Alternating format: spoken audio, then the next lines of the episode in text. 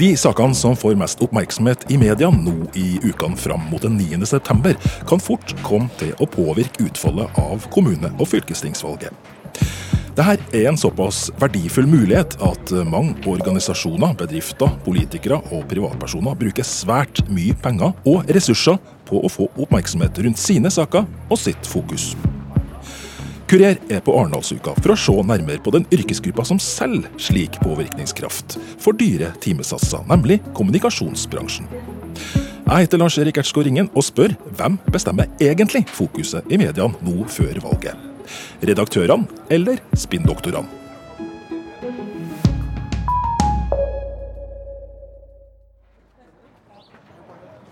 De kalles ofte spinndoktorer, de menneskene som lever av å påvirke samfunnet vårt, på oppdrag av kunder som betaler godt. På Arendalsuka finner du snart like mange medierådgivere som journalister, og den kanskje største spinndoktoren i Norge er statsminister Erna Solbergs tidligere statssekretær Sigbjørn Aanes, som nå er partner i kommunikasjonsselskapet First House. Hvordan reagerer du hvis jeg kaller deg spinndoktor? Det lever jeg veldig godt med. Selv mine barn kaller meg spinndoktor, så det, det syns jeg er helt greit. Men hva betyr det? Altså, Ifølge mine barn så betyr det en doktor som spinner rundt. Eh, og det er På mange måter så er det helt riktig. Det, det en spinndoktor handler om, er jo å få ordet til å gå. Eh, det å få det kan du si, narrativet eller budskapet man ønsker til å, til å bevege seg rundt i samfunnet, blant folk eller i de målgruppene du ønsker. Det er jo det å være spinndoktor handler om. Hva er det egentlig du selger? I dag så, så, handler det mer om selvforståelse av det norske samfunnet. F.eks. For, for internasjonale aktører som kommer til Norge. Det kan være planer og strategier eh, i oppkjøpsprosesser mellom, mellom selskap. A-selskap, eller det kan være at man har eh, lover, regulering og andre ting som man ønsker å få, få endra over tid i det norske samfunnet. Sigbjørn Aanes legger ikke skjul på at det er mulig å kjøpe oppmerksomhet.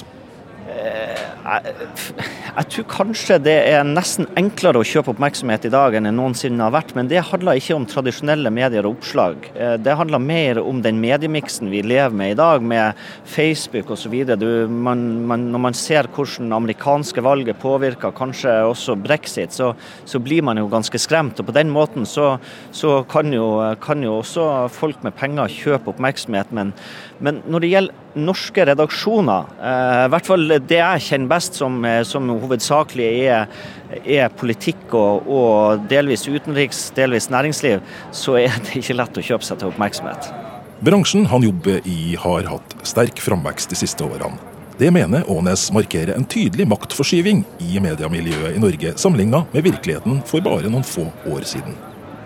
Altså, Norske redaktører og redaksjoner hadde jo virkelig eh, makta for, eh, for eh, to tiår siden. Vi trenger ikke å gå lenger tilbake. Går vi tre tiår siden, så, så, hadde vi også litt partipresse i dette landet som Hvor det var, nok var flere enn én sjef, og hvor kanskje en en Arbeiderparti- eller LO-leder kunne ta en telefon ekstra hvis det, hvis det gikk irritasjon. Så, men, men, for 20 år siden hadde norske redaksjoner enorm makt. Den makta er ikke like sterk i dag. Hvorfor ikke? Nei, Det er fordi at samfunnet har endra seg fundamentalt. Vi har jo gått fra å ha deadline til å ha fått et samfunn uten deadline. Vi har gått fra, fra trykte medier og tradisjonelle medier til nettaviser. og eh, Det er jo bare å se Aftenposten har egne TV-sendinger, VG har egne TV-sendinger. Og de har ikke det bare innenfor politikk og samfunn, det er jo innenfor underholdning. Så, så alle driver med alt i dag, på en måte. Og så har vi begynt med podkast som gjør at alle driver med radio i tillegg. Men redaksjonene og redaktørene har altså mista makt. Hvem er det som har overtatt den makta? Makta er jo mer fragmentert. Eh, det er ikke sånn at den makta er flytta fra noen til, til ei helt ny gruppe. Den er heller vil jeg si fragmentert, sånn at eh, vanlige folk har fått mer innflytelse gjennom måten vi agerer på i sosiale medier. Eh, det er vel først og fremst det som, eh, som har, eh, har, skjedd. Så er det nok mange som mener at det er kommet mange flere kommunikasjonsrådgivere, og dermed har de fått økt makt.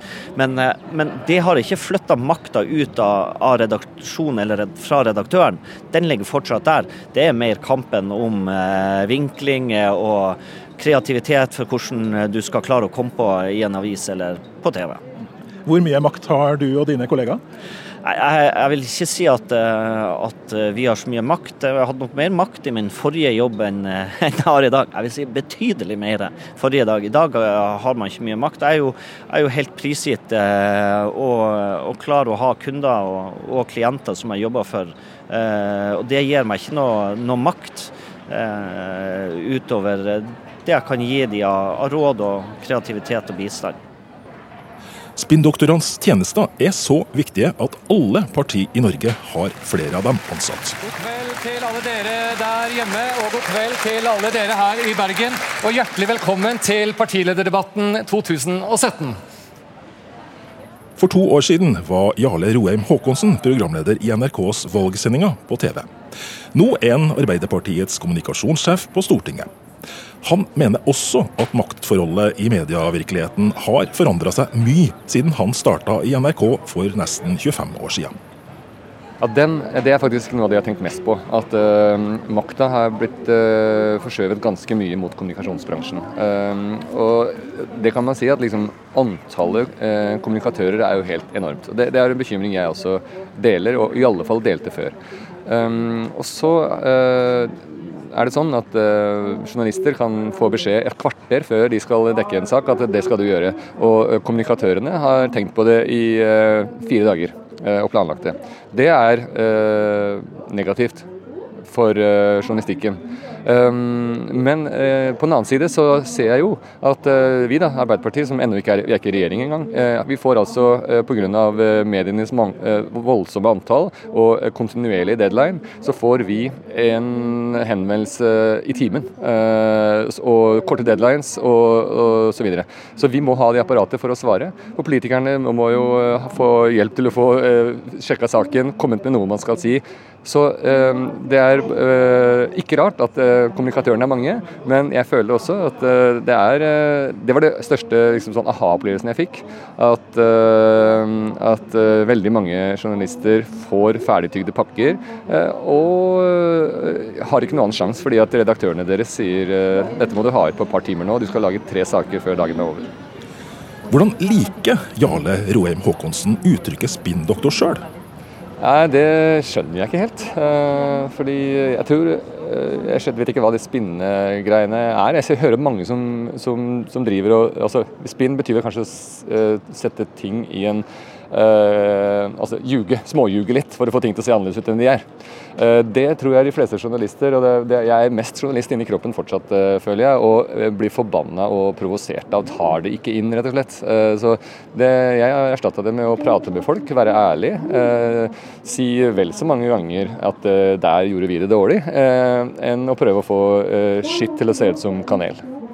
Men hvor vanskelig eller lett er det å få viljen sin hos redaktørene? Det er, eh, det er, i denne fasen vi er nå, fram mot 9.9, vanskeligere og vanskeligere. Eh, og sånn skal det være. Eh, det vet jo jeg fra min gamle jobb, at innsalg er jo verre og verre utover mot, mot valgdagen. Og mange journalister er interessert i, i saklig framstilling av politikk, fordi det er brukerne deres interessert i. Og sånn må man samarbeide med politikerne og, og kommunikasjonsfolka for å få fram. Det er vel mange journalister som oppfatter kommunikasjonsbransjen og spinndoktorene, hvis vi skal bruke det uttrykket, som motstandere. Hva tenker du om det? Eh, nei, jeg skjønner eh, det hvis de har vært utsatt for folk som eh, skjuler sannheten eller sminker den for mye. Men ærlig talt så snakker jeg med mine gamle kollegaer, sånn, her særlig i Arendal, hver eneste time. Og ved at vi Jeg vet akkurat hva, hva de tenker, og at jeg ikke prøver å selge dårlige ting som kjempe, kjempegode ting, eh, så får vi et tillitsforhold mer ved at eh, jeg bruker eh, den kjennskapen jeg har til deres jobb og ikke prøver å overselge, så, går dette ganske bra.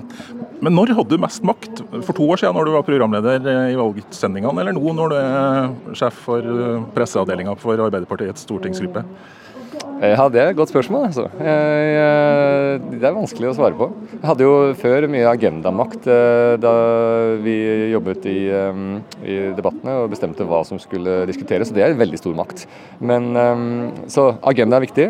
Men jeg har jo nå innpass i bakrommet og til hodet og til en av opposisjonslederne i Norge, så det da har man også en viss innflytelse.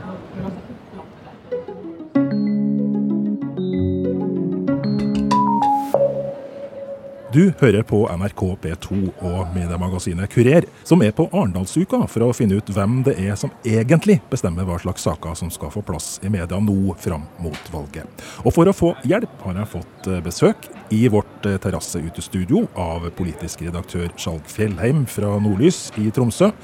Frøy Gudbrandsen, som er politisk redaktør i Bergens Tidende, og kommentator Tone Sofie Aglen i Verdensgang og Vi starter med deg, Skjalg Fjellheim. I en kronikk litt tidligere i sommer skrev spinndoktor Svein Tore Bergestuen, jeg siterer, debatten om PR-bransjen er en suppe. Kanskje fordi journalister ser på PR-folk som fienden, uten å vite hva svikerne driver med. Sitat slutt. Sjøl dere i mediene på PR-rådgivere som motstandere og tidligere journalister som svikere? Jeg tror at eh, mange journalister og redaktører eh, ser på PR-bransjen med stor mistenksomhet. Um, og at det er veldig mye rett i det Svein Tore Bergestuen skrev i den kronikken. Um, det ligger jo litt nedarva i journalist, journalistikkens genetikk, da, DNA, ikke sant, å være mistenksom til den type makt som PR-bransjen tross alt representerer. Samtidig er det viktig å huske på at dette er en helt legitim virksomhet. De driver en eh, type eh, påvirkning som er helt vanlig og helt lovlig i det norske samfunn. Og det er viktig for oss i pressen selvfølgelig å vite om dette og håndtere dette med journalistikkens eh, viktigste virkemidler, integritet og troverdighet. Hva med det her, Frøy Gudbrandsen? En sånn beskrivelse som du kjenner igjen i?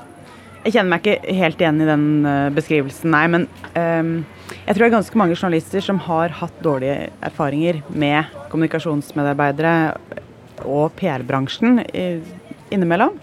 Uh, og at man opplever at, uh, at det fungerer som en slags filter mellom mennesker med makt og journalister. Og at noen ganger så kan PR-bransjen ja, være til hinder for en fornuftig og viktig offentlig samtale. Begrense tilgangen til mennesker som bør svare, bør svare på viktige spørsmål. Men det er jo en helt legitim bransje, og jeg tror at holdningene har endra seg en god del. Mm. Hva slags holdninger møtte du i, i de redaksjonene som du har vært innom, eh, Tone Sofie Haglem? Nei, Jeg tror nok det er litt sånn gammeldags syn på den uh, bransjen. Jeg har jo vært kommunikasjonsrådgiver sjøl, men i staten, som er liksom den litt sånn snille delen av, uh, av bransjen. Jeg tror vi må se i øynene at uh, det er noe som har kommet som følge av et mye mer komplekst informasjonssamfunn. Jeg tror det er kommet for å bli, og jeg tror ikke det er så mystisk og skummelt som man kanskje gjerne vil ha det til. Så tror jeg det er veldig viktig for oss å være bevisst på hvem de er, hva de gjør så tror nok jeg at uh, det her er mer utfordrende for de virkelig økonomiske maktfolkene uh, i, i, Norge og en del bransjer, kanskje mer enn i politikken, hvor jeg syns det er lettere å gjennomskue det. Mm. Nå er vi jo på Arendalsuka, hvor det er like mange PR-folk som det er journalister. Og dere er nok kanskje noen av de PR-rådgiverne, de som skal påvirke oss, har mest lyst til å få kontakt med. Merker dere det når dere er her? Jeg vil ikke si at det er sånn overdrevent. Jeg merker at noen av dem har eh, brukt oss for å delta i panel og sånn. Eh, eh, noen ganger så er det jo nesten litt sånn parodisk, for det er så mange av dem at du tenker liksom hvorfor i all verden ringer ikke organisasjonene eller, eller dem sjøl, istedenfor å sende en eh, PR-rådgiver. Jeg tror jo mange ganger at eh, det heller virker mot sin hensikt enn at det er effektivt. Mm. Men hva i det daglige da, Skjalg Fjellheim? Hvordan kontakt har du med denne bransjen? Altså, Den er ganske begrensa, eh, for å si det sånn. Min eh, kontakt eh, går med, mest direkte med politikere og beslutningstakere i, i Tromsø og Nord-Norge, også noen ganger nasjonalt. Det er veldig sjelden at, at jeg går veien via en PR-rådgiver, eller at en PR-rådgiver innenfor en bransje eller innenfor et parti går veien gjennom denne kanalen for å få kontakt med meg.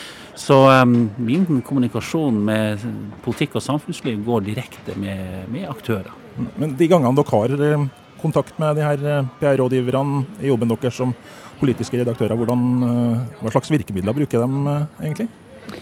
Jeg vet ikke om de bruker så mange virkemidler. på en måte. Altså, de kan sende en e-post og spørre om de har, Før jeg skulle hit, f.eks., så var det noen som tok kontakt og spurte ja, ser du, hører du skal til Arendal, skal vi treffes? liksom.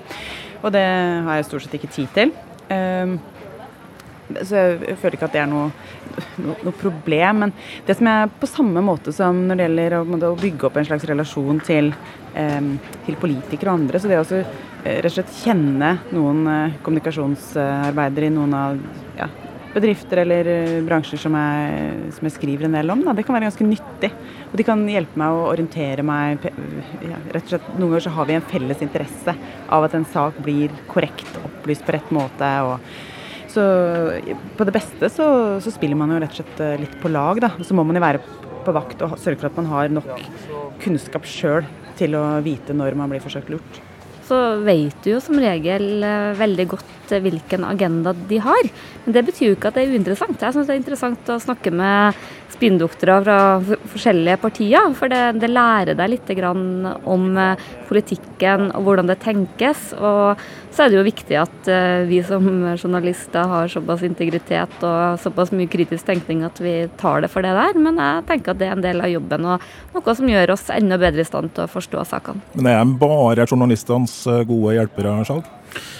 Ja, så jeg vil si at en del ganger så er de faktisk det. Altså, jeg har jo kontakt med kommunikasjonsrådgivere og kommunikasjonssjefer i de politiske partiene. ikke sant? Og det hjelper meg å forstå hva slags prosesser som er på gang i de ulike partiene. ikke sant? Så Det anser jeg som viktige samtaler og nyttige bakgrunnssamtaler for meg.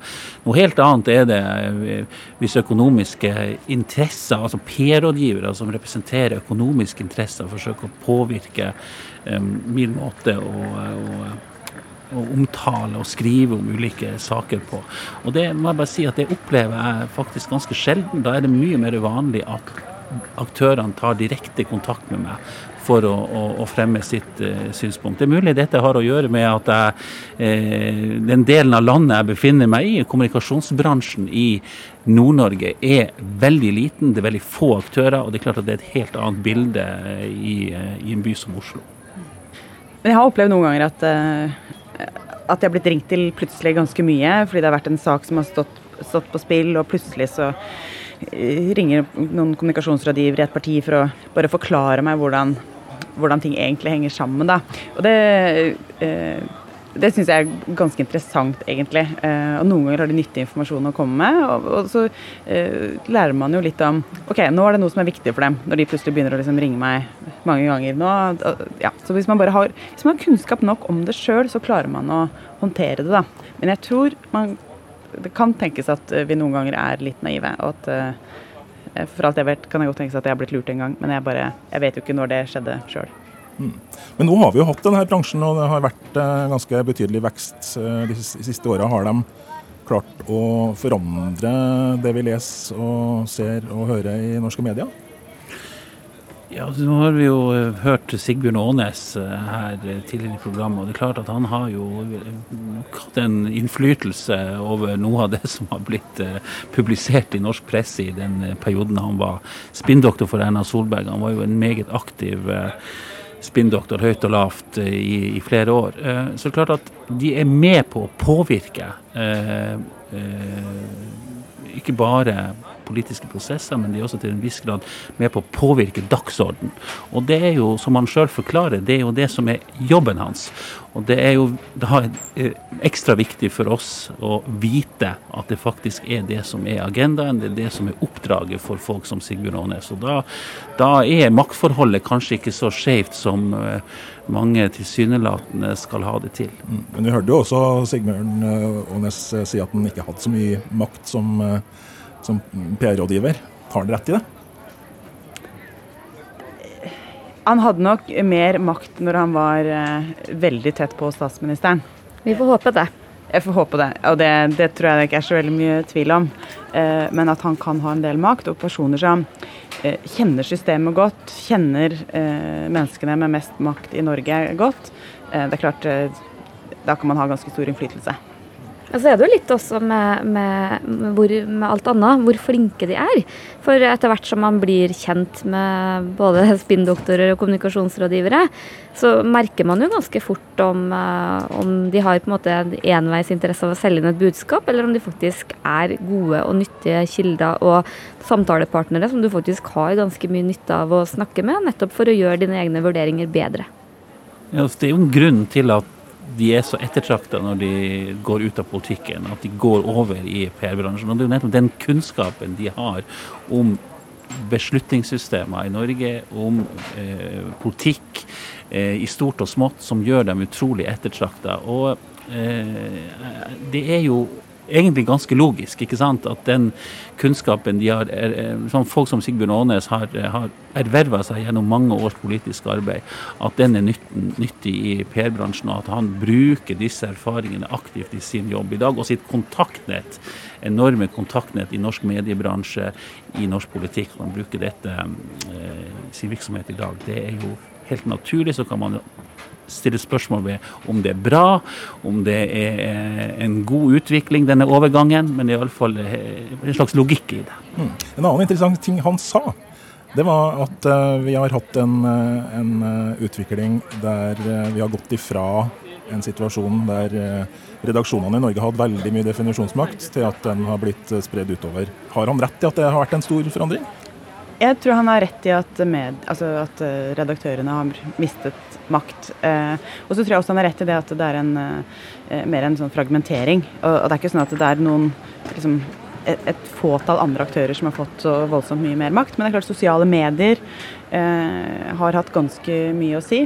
Eh, og det er ikke mm, men hvem som har, og Der er det jo snakk om internasjonale store selskaper som har fått, fått større innflytelse. Men det er eh, Eh, redaktører og mediene har mista noe av makt, men sånn som jeg opplever eh, pågangen nå i valgkampen fra politiske partier, så er det ganske mye som tyder på at eh, de syns eh, mediene er ganske viktig. Eh, og det er viktig for dem å få gjennomslag eh, for sine saker hos oss.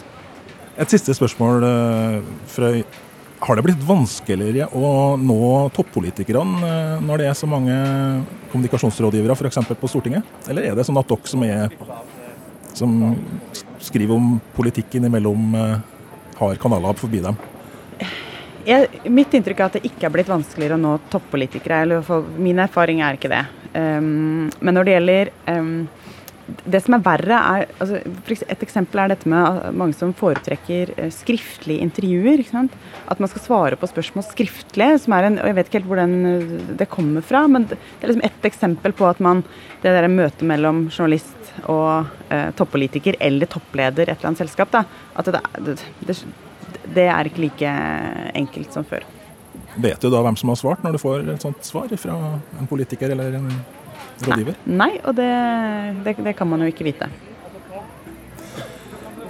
Da er tida vår over, faktisk. Takk til deg, politisk redaktør Frøy Gudbrandsen i Bergens Tidende, eh, kommentator eh, Tone Sofia Glenn i Verdensgang, og Skjalg Fjellheim, som er politisk redaktør i Nordlys.